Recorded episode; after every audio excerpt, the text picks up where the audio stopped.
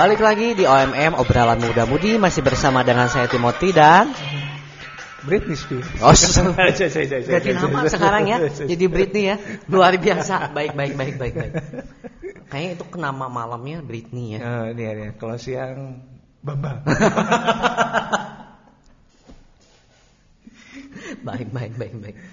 Tapi enggak tujuan kita mutar lagu Toxic Britney itu ada sakut pautnya dengan tema yang akan kita bahas ya. Iya, ya, jadi kita akan bahas lagu-lagu di tahun 90-an. Enggak, enggak, enggak, enggak, enggak, enggak. Kita tuh mau bahas kenapa sih Britney bisa sempat-sempat kayak gangguan jiwa. Ngaco. Gue tuh udah serius aja. Belok lah. Bukan ya. Kita juga mau bahas itu ya. Bukan, bukan. Tapi mau bahas apa nih? Tentang toxic tuh. Toxic tuh tapi apa sih?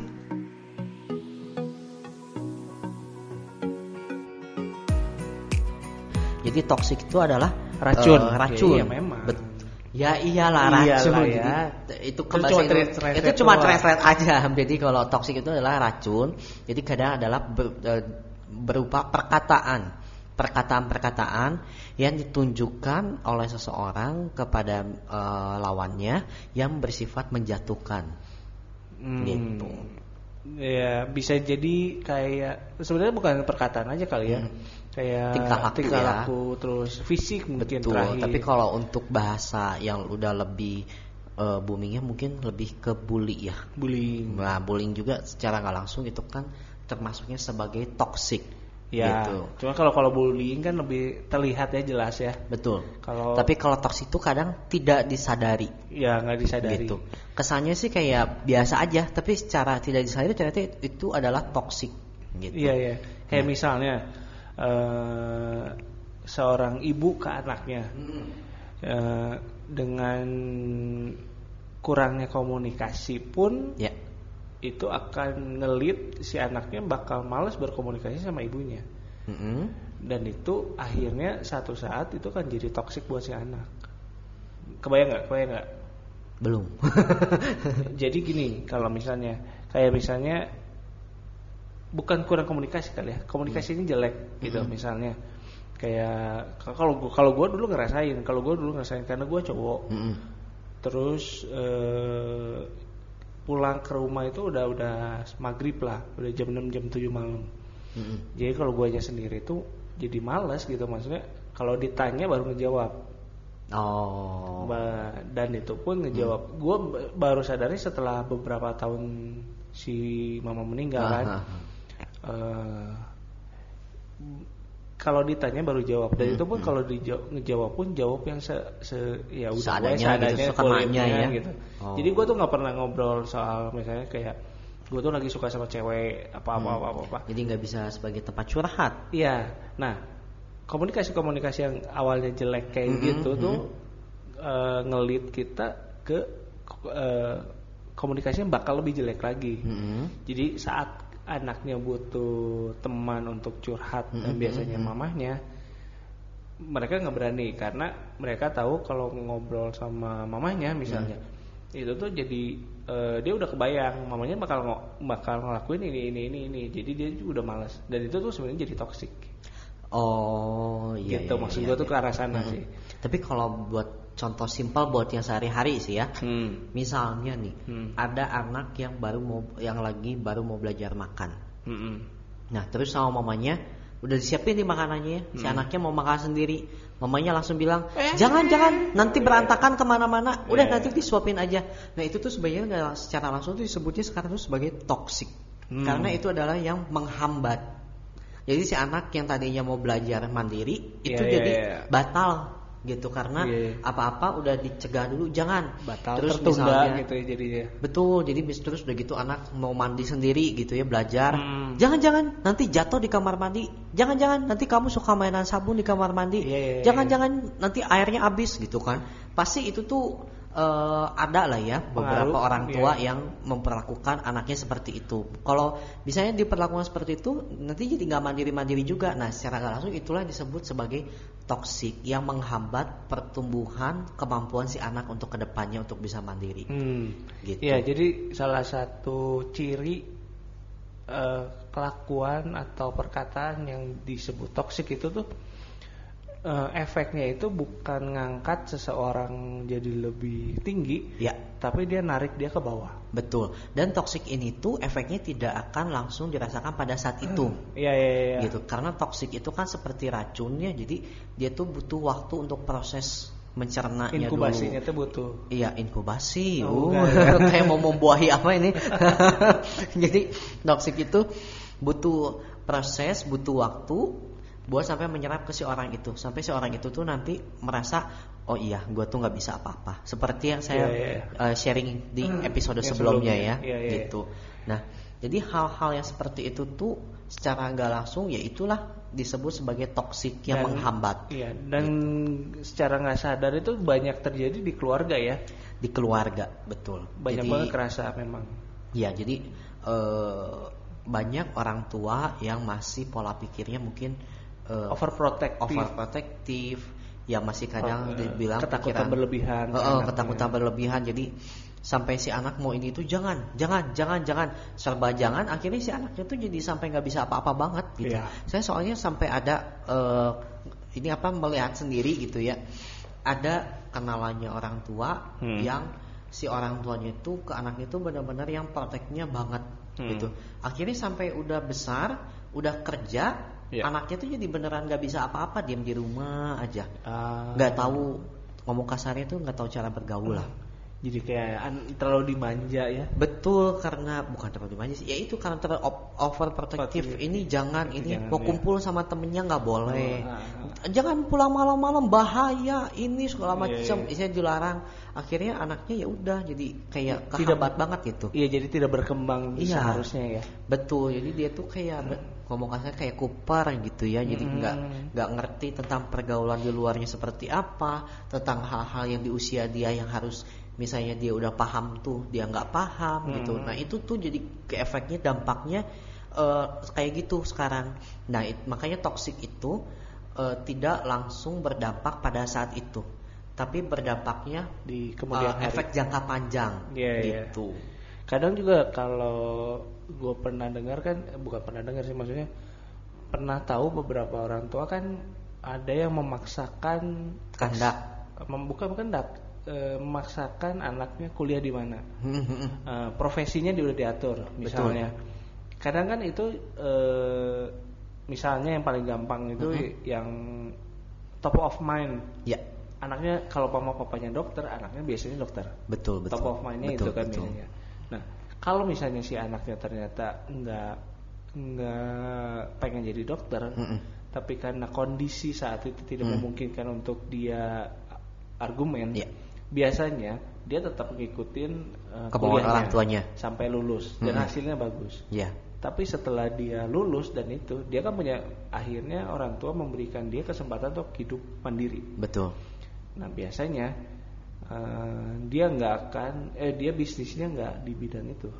Malah jadi dia balik lagi ke keinginan sendiri, Iya, sendiri ya. Itu salah satu ciri, Toksik ya. eh, salah satu ciri kasar yang bisa kita ambil. Tapi belum tentu juga, tapi memang belum tentu juga. Betul betul betul. Tapi bi- eh, contoh kasusnya mu- bias- mungkin seperti itu. Ya, memang kayak gitu. Jadi itu tuh disebut seperti memboya, membuyarkan impian anaknya. Oke. Gitu. Jadi contoh Biar. Ya. jadi contoh misalnya anaknya pengen jadi seorang musisi. Nah, Nah, orang tua kan eh, kebanyakan berpikir itu buat apa sih kamu jadi musisi? Mendingan kamu jadi dokter, Iya. mendingan kamu kerja di bank, mendingan kamu kerja kantoran itu lebih Ah, jelas. ah. Mau jadi musisi kamu mau jadi hidup penghasilan apa? dari mana? Mau hidup Iya. dari mana? Nah, otomatis itu tuh kayak secara nggak langsung toksik. Iya. Nah, disebutnya toksik yaitu membuyarkan impian si anak dengan Iya. cara memaksakan kehendak orang tuanya justru. berarti yang salah itu tuh memaksakan kehendak. Betul, memaksakan kehendak ke orang tuanya. Eh, mungkin karena si orang tuanya dulu pengen jadi itu, tapi karena dia sendiri nggak bisa, akhirnya dipaksakan ke anaknya. Iya, iya. Beda cerita kalau misalnya eh, mereka bisa ber, bisa komunikasi kan. Mm-mm. Kalau bisa mereka komunikasi dan dapat jalan tengah dan Betul. atau misalnya itu kalau kata gue bukan toksik. Betul nggak? Kalau untuk bisa menemukan jalan tengah itu bukan toxic tapi lebih ke win-win solution ya. Iya. Jadi kedua belah pihak menemukan titik terangnya enaknya seperti Iya. apa. Jadi ya gitu. maksud gue tuh yang jadi toksik itu kalau dari salah satu pihak eh, memaksakan kan. Iya, jadi kalau dari salah satu pihak udah memaksakan ataupun ada eh, apa ya gelagat untuk menjatuhkan Hmm. eh, lawan bicaranya dengan cara-cara hal seperti itu ya menjatuhkan self harga dirinya, Nah, menyatukan iya, iya, iya. impiannya. Iya. Nah, itu yang disebut dengan toksiknya. Betul. Gitu. Oke. Terus kalau gue juga pernah ngalamin sebenarnya ya. Mm-mm. Eh, dulu tuh di keluarga gue tuh suka disebut lu kalau belum kuliah jangan pacaran Ya. dan itu tuh nempel di kepala gue Mm-mm. problemnya akhirnya gue tuh susah banget untuk dekat sama orang baru terutama cewek Iya. Karena udah langsung kepikirannya nggak boleh gitu. iya iya karena eh, nggak tahu ya karena mungkin di otak gue kalau gue temenan sama cewek akhirnya Mm. pacaran gitu Ya. jadi gue nahan diri dan jatuh-jatuhnya susah eh, berteman sama cewek terutama yang baru Mm-mm. gitu gitu itu mungkin ya mungkin salah satu contoh toksik yang Betul, betul. yang pernah gue alamin kali Ya, ya, nah jadi itulah jadi di isinya lebih digaris bawahin lagi nih ya. Toxic itu dampaknya nggak secara langsung, Mm-mm. tapi itu adalah jangka panjang meresapnya, ya gitu. Dan pemulihannya pun butuh Lumayan. prosesnya tuh jangka panjang. lumayan Tergantung balik lagi ke bagaimana kepribadian si orang yang sudah kena toksiknya. mungkin Gitu. waktu itu orang tua gue ngomong gitu tuh karena biar gue eh, fokus, belajar, Padahal Tapi pro- aja ya jadinya fokus juga enggak. Enggak. gitu. mungkin pro- problemnya itu nggak dikasih tahu alasannya Iya. sebenarnya kalau misalnya eh, jangan pacaran karena ini ini ini ini ini ini ini, Mm-mm. ini ya mungkin gua nggak akan dapat toksik kayak gitu Betul. mungkin. Jadi seperti yang sebelumnya pernah kita bahas di episode episode sebelumnya. Jadi Ah. kalau orang tua mungkin yang orang tua zaman dulu, sometimes kan dia mengungkapkan atau ingin melarang anaknya itu dengan memberikan suatu hal yang nggak jelas ke anaknya gitu ya. Iya. Misalnya jangan berdiri depan pintu, nanti kamu susah dapat jodoh kan nggak ada Iya, ada pautnya ya. sangkut Padahal kan. Jangan di situ, itu nggak halangin orang keluar masuk Iya. gitu kan. Se- Seenggaknya harusnya menyampaikan dengan cara yang benar. Betul. Jangan Alasannya jelas. Betul, jangan menyampaikan dengan hal-hal yang nggak masuk akal Iya. gitu kan.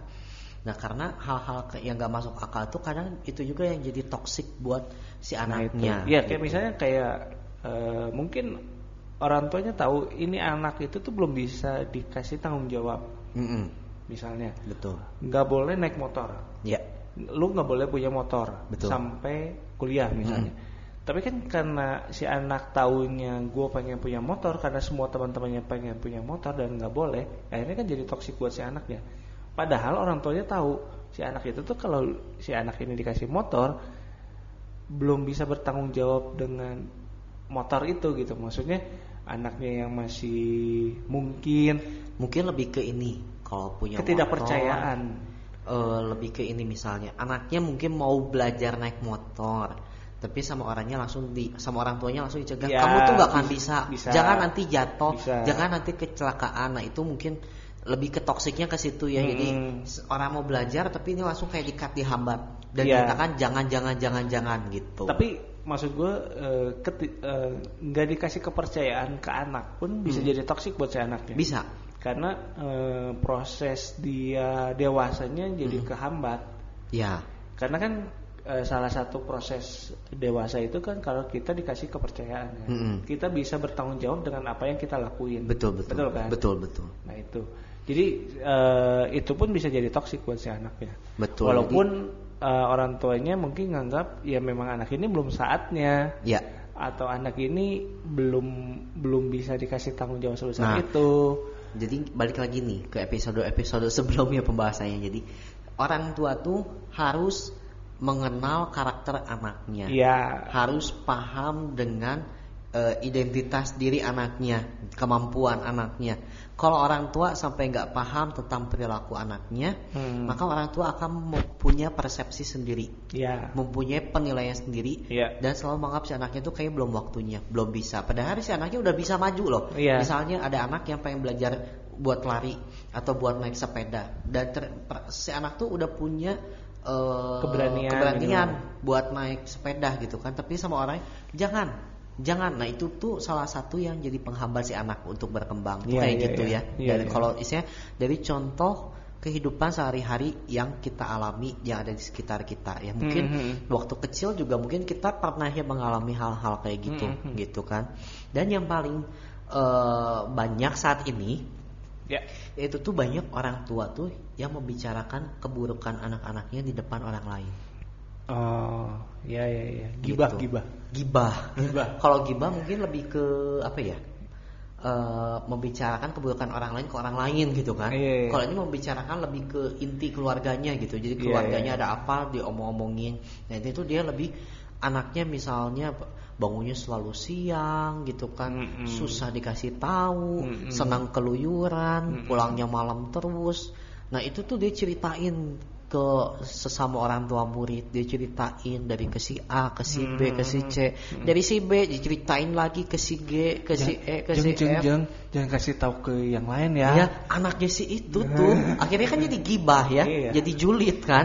Nah, akhirnya itulah yang jadi toksik karena apa begitu si uh, suatu hari pasti kan lambat laun si anak tuh pasti akan Dengar. mendengar sendiri ya. Pasti dia akan cari tahu loh, kok mamahnya membicarakan tentang keburukan dia sendiri Iya. kepada orang-orang. Bukannya melindungi Betul. atau membela ya. Betul. malah- Jadi kan orang tua itu seperti yang udah saya infokan ya.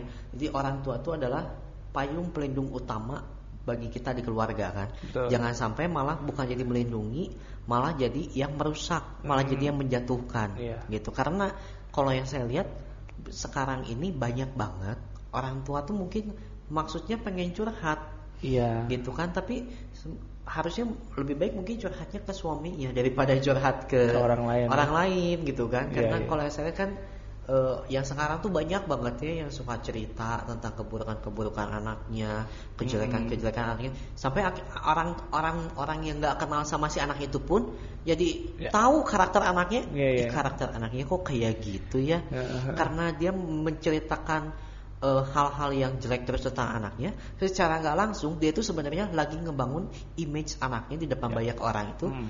jelek Hmm. nah otomatis jadi orang-orang yang sebenarnya tidak mengenal baik dengan anaknya pun karena mendapat infonya yang jelek-jelek terus pasti udah kepikirnya jelek tentang anaknya Iya. nah itulah yang toksik yang paling berbahaya sebenarnya Pengaruh nanti ke depannya si anaknya itu. Betul, karena untuk membangun suatu image itu nggak gampang ya. Hmm. Membangun suatu self esteem harga diri itu nggak gampang. Apalagi kalau misalnya udah dijatuhin kayak gitu. Mm-mm. Pada saat si orang itu mau bangkit lagi, itu Iya. pasti susah. Apalagi karena dua, bisa dua kali tiga kali lipat. betul. Apalagi kalau misalnya menjatuhkan orang terdekatnya, orang tuanya gitu kan Mm-mm. ya. Iya. Terus yang kadang kita ya mungkin setiap anak ngerasain ya. Ini mama gua, papa gua kok gampang banget ngambek sih. Dikit-dikit marah. Mm-mm. Gua ngelakuin, gua baru ngomong A udah dimarahin. Ya, Nah, itu juga sebenarnya kalau kita runut mungkin itu bisa jadi toksik buat si anaknya. betul. Mungkin ya itu kalau di pihak orang tua ya mungkin memang hal itu nggak bagus buat anaknya karena Ya. dia eh, orang tua kan punya lebih banyak pengalaman. Ya, betul. Mungkin hal-hal itu bakal nantinya bakal ngedrag si anak ke hal yang lebih nggak jelek. Ya. Tapi mungkin caranya yang salah. Ya, betul. Jadi Jangan langsung dihajar ambekan tepugu Betul. gitu. Karena yaitu eh, mungkin cara orang tua ada beberapa orang tua di luar sana Mm. yang ingin mungkin memberikan kebaikan, protek buat anaknya, tapi justru caranya tuh salah. Salah. Gitu. Malah akhirnya Iya. bukan memprotek, malah jadi menjatuhkan. Iya. Jadi si anaknya nggak bisa berkembang. Iya. Gitu. Iya, iya. Komunikasi sih. Kalau kalau kalau gua lihat di eh, keluarga itu memang komunikasi sangat penting. Betul, jangan dalam keluarga istilahnya. Ya keluarga itu yang paling eh, Intim. inti ya, yang setiap Inti, hari ya. kita akan ketemu, menghabiskan waktu bersama. Sometimes eh, untuk yang lebih membentuk kita tuh sebenarnya dari luar Keluarga. juga gitu dari lingkungan luarnya yang banyak berpengaruh juga kan Mm-mm. jadi ada dua yang dapat mempengaruhi eh, pola pembentukan karakter kita yang pertama ya dari dalam dari dalam itu dari orang tua dari keluarga lingkungan intinya yang kedua itu dari lingkungan pertemanan lingkungan sosial Ya. itulah yang akan mempengaruhi si eh, seseorang itu akan jadi pribadi yang seperti apa Iya, kalau Gitu. misalnya eh misalnya ini kita ngomong berkembang lebih lanjut ya. ya Kalau misalnya si anaknya juga udah tidak sehat di keluarga, betul dia bakal jadi toksik buat teman-temannya. Eh, sebut toksik sih enggak karena begini kalau menurut yang saya lihat ya Mm-mm. kalau orang seorang anak yang eh, tidak mendapatkan isinya kasih sayang ataupun justru dapat toksik dari keluarganya dia itu akan mencari perlindungan keluar Oke. gitu tidak semua anak yang dapat toksik di rumahnya akan menjadi toksik juga di luar Oke. gitu jadi kita nggak bisa pukul rata bahwa orang yang dapat Pukul toksik jatuh di- boleh ya? Pukul pasti jatuh. Apalagi kalau ditendang Oh, nusuk iya, langsung. iya. Jadi ya itu kita nggak bisa pukul rata ya Iya. bahwa orang yang dapat toksik di rumahnya dia akan menjadi toksik di luar juga gitu. Gue mau dong dipukul rata perutnya. itu kayaknya butuh proses gitu ya. Seneng tuh punya teman yang bisa pukul rata. Boleh besok saya bawa wajan gimana? gitu. Jadi toksiknya tuh nggak akan jadi dia nggak akan langsung jadi toksik juga. Iya, iya, belum Gitu. tentu ya. Belum tentu. Nah itu yang gua omongin itu contoh sebenarnya. Mm-mm. Jadi kalau terlalu menjudge orang terlalu cepat, ya bisa diistilahkan jadi toksik. Betul betul. Dan toksik tuh secara nggak langsung tuh sebenarnya seseorang tuh bisa di create menjadi toksik oleh orang lain. Percaya nggak? Enggak. Contoh. Jadi contohnya ya, kenapa dia bisa jadi toksik? Contohnya gini, karena Hmm. akibat korban bully. Oke. Ya, eh, beberapa tidak semua juga ya ini, tapi Iya. ada beberapa korban bully. Akhirnya dia menjadi toksik lagi jadi orang lain karena apa? Dia pernah jadi korban toksik. Eh, Dia nggak bisa terima, dia ingin Balas melampiaskan dendam. balas dendam. kepada orang misalnya yang lebih lemah dari dia. Hmm. Nah, dia jadi me- mentoksiknya lagi gitu, mentoksikkan. mentoksikkan, Uh, bahasanya. vikinisasi. Iya, iya, iya.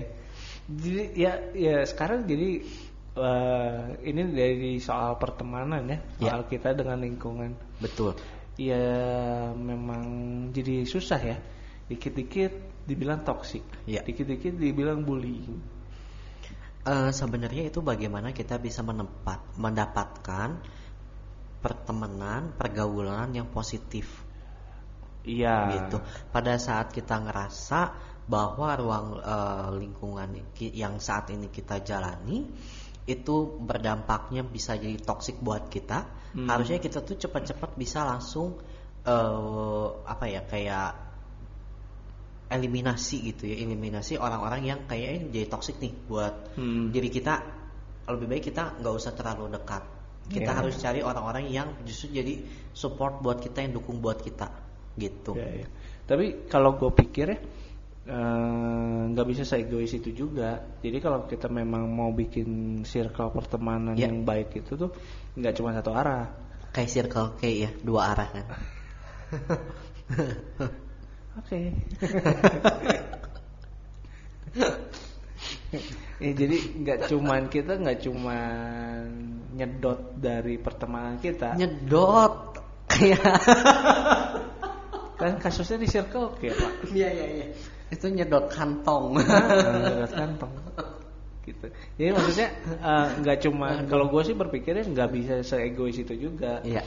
Kalau lu selalu eh, berpikir mencari teman yang bisa selalu positif Iya, buat iya, lu, iya. lu juga harus bisa jadi positif buat teman Betul lu. betul Nah, gitu. itu yang pertemanan yang sehat. Betul, simbiosis mutualisme. Ya. Jadi kita harus saling support. Iya. Jangan kita minta di support tapi kita nggak mau support balik. Nah iya, nggak bisa. Gitu kan. Itu lu lu jadi malah jadi toxic buat teman lu. Betul. Jadi eh, dari sini sih kita harus udah mulai bisa belajar gimana caranya supaya kita sendiri pun jangan jadi toksik. Iya. Nah tapi jangan juga gini ya, misalnya ada orang yang jelas-jelas eh, nggak bisa berenang sama sekali ya udah gitu dia pengen ke laut pengen berenang. Heeh. terus kita support. aja. iya terus kita support. Kamu pasti bisa. Ayo ayo pasti bisa. Iya, iya, ya nggak iya. gitu juga Iya, gitu iya. kan. Kalau gitu ya sama aja gitu kan. Ngabisin nyawa anak orang gitu. Nggak gitu juga ya. Maksud maksud kita buat supportnya ya. Tapi Iya, iya, iya. supportnya lebih ke hal yang benar-benar yang patut disupport misalnya dia eh, les berenang dulu. Les berenang dulu. Walaupun misalnya usianya udah tua gitu kan misalnya udah 25 udah dia terus si anaknya mikir aduh malu. Enggak pasti bisa kok. Kalau enggak ayo sa- kita yang ajarin gitu Iya, kan. iya. nah itu adalah suatu eh, sebagai supportnya. Non toxic friendship ada non toxic friendship. Ya betul betul betul. Itu jadi ada bahasa baru lah. Bahasa baru non toxic lagi. friendship ya. Nah jadi kita bisa untuk supportnya dalam hal-hal kayak gitu, gitu. Hmm. jadi jangan sampai dia salah artikan sampai ada orang yang mau lompat ke jurang lompat aja jangan takut nah itu kan Iya, salah kita harus mendorong ya ya mendorongnya dalam hal positif justru ya jangan Iya, iya. support tapi dalam hal kenegatifan Iya, iya. gitu kan jangan sampai ini disalah artikan ya nanti jangan sampai itu ngedengar dari OMM juga katanya harus support. Tapi ti- tidak mengajarkan yang kayak gitu ya. Bahaya bahaya. Itu itu soalnya tidak patut untuk disupport kalau untuk melakukan hal-hal yang salah ya. Iya iya. Gitu. Iya jadi kalau kalau gimana sih eh, kita tahu gimana kalau kita sedang ada di toxic friendship.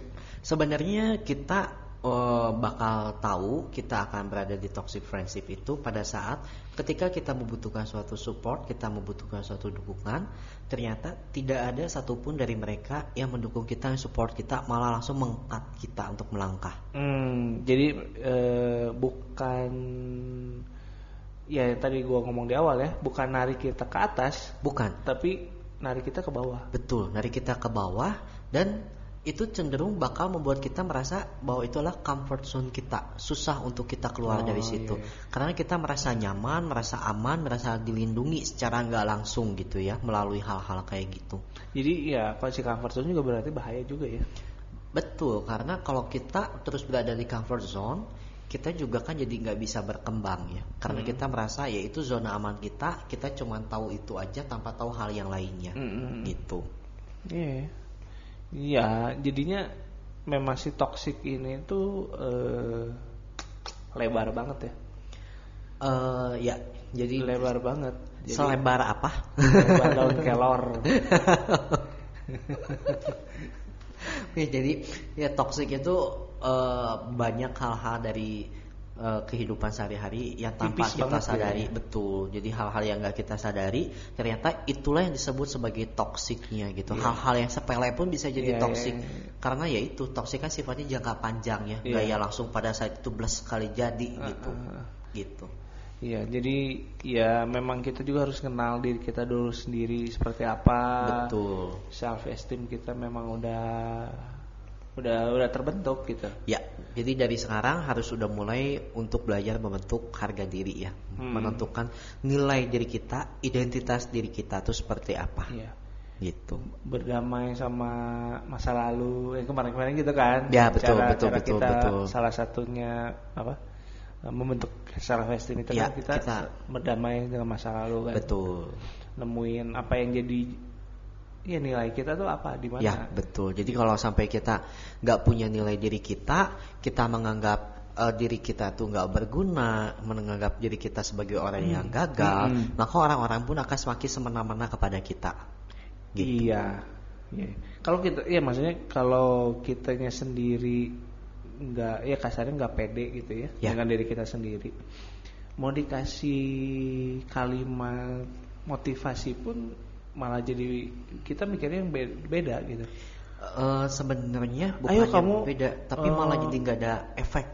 Iya, iya, Iya. iya. Bisa juga gini sih kalau gue berpikirnya kalau misalnya, misalnya kayak gue eh, lumayan gendut misalnya ya.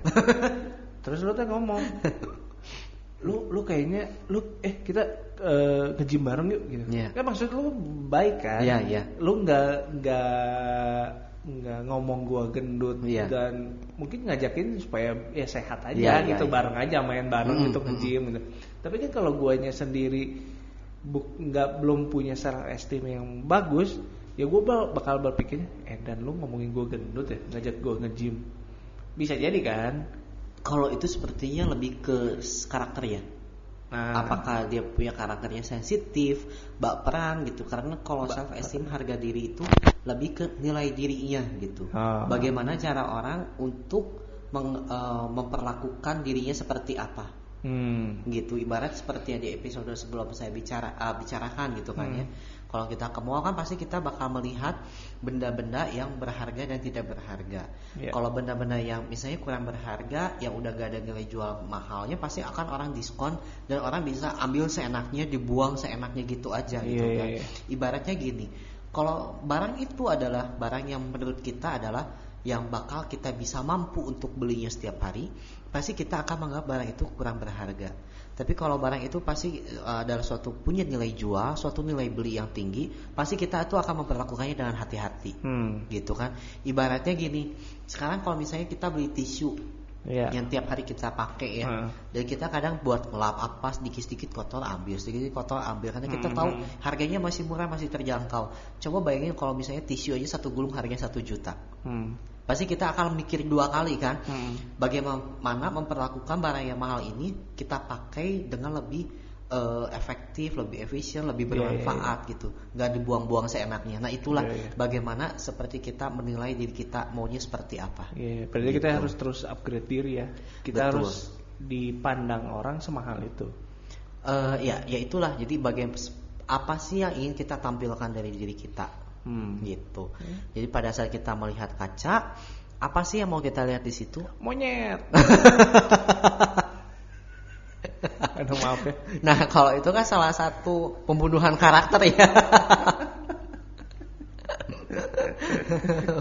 Jadi pada saat kita ngelihat kaca gitu kan, nah kita pengen tahu kan, bukan Iya, pengen tahu, iya. tapi yang kita lihat di kaca itu apakah Siapa, siapa, gitu. gitu. apakah sebagai orang yang berhasil, orang Sebagai yang presiden sukses kah? gitu kan, ya sebagai presiden atau misalnya ternyata sebagai orang yang gagal, yang nggak bisa apa-apa Iya. gitu. Apakah apa ya sih yang pengen kita lihat? Karena kaca itu kan adalah lensa yang menentukan siapa diri kita sebenarnya gitu Yes, kan. yes. Gitu. Bapak fotografer ya? Eh, bukannya anda yang fotografer Ngomonginnya lensa. ya.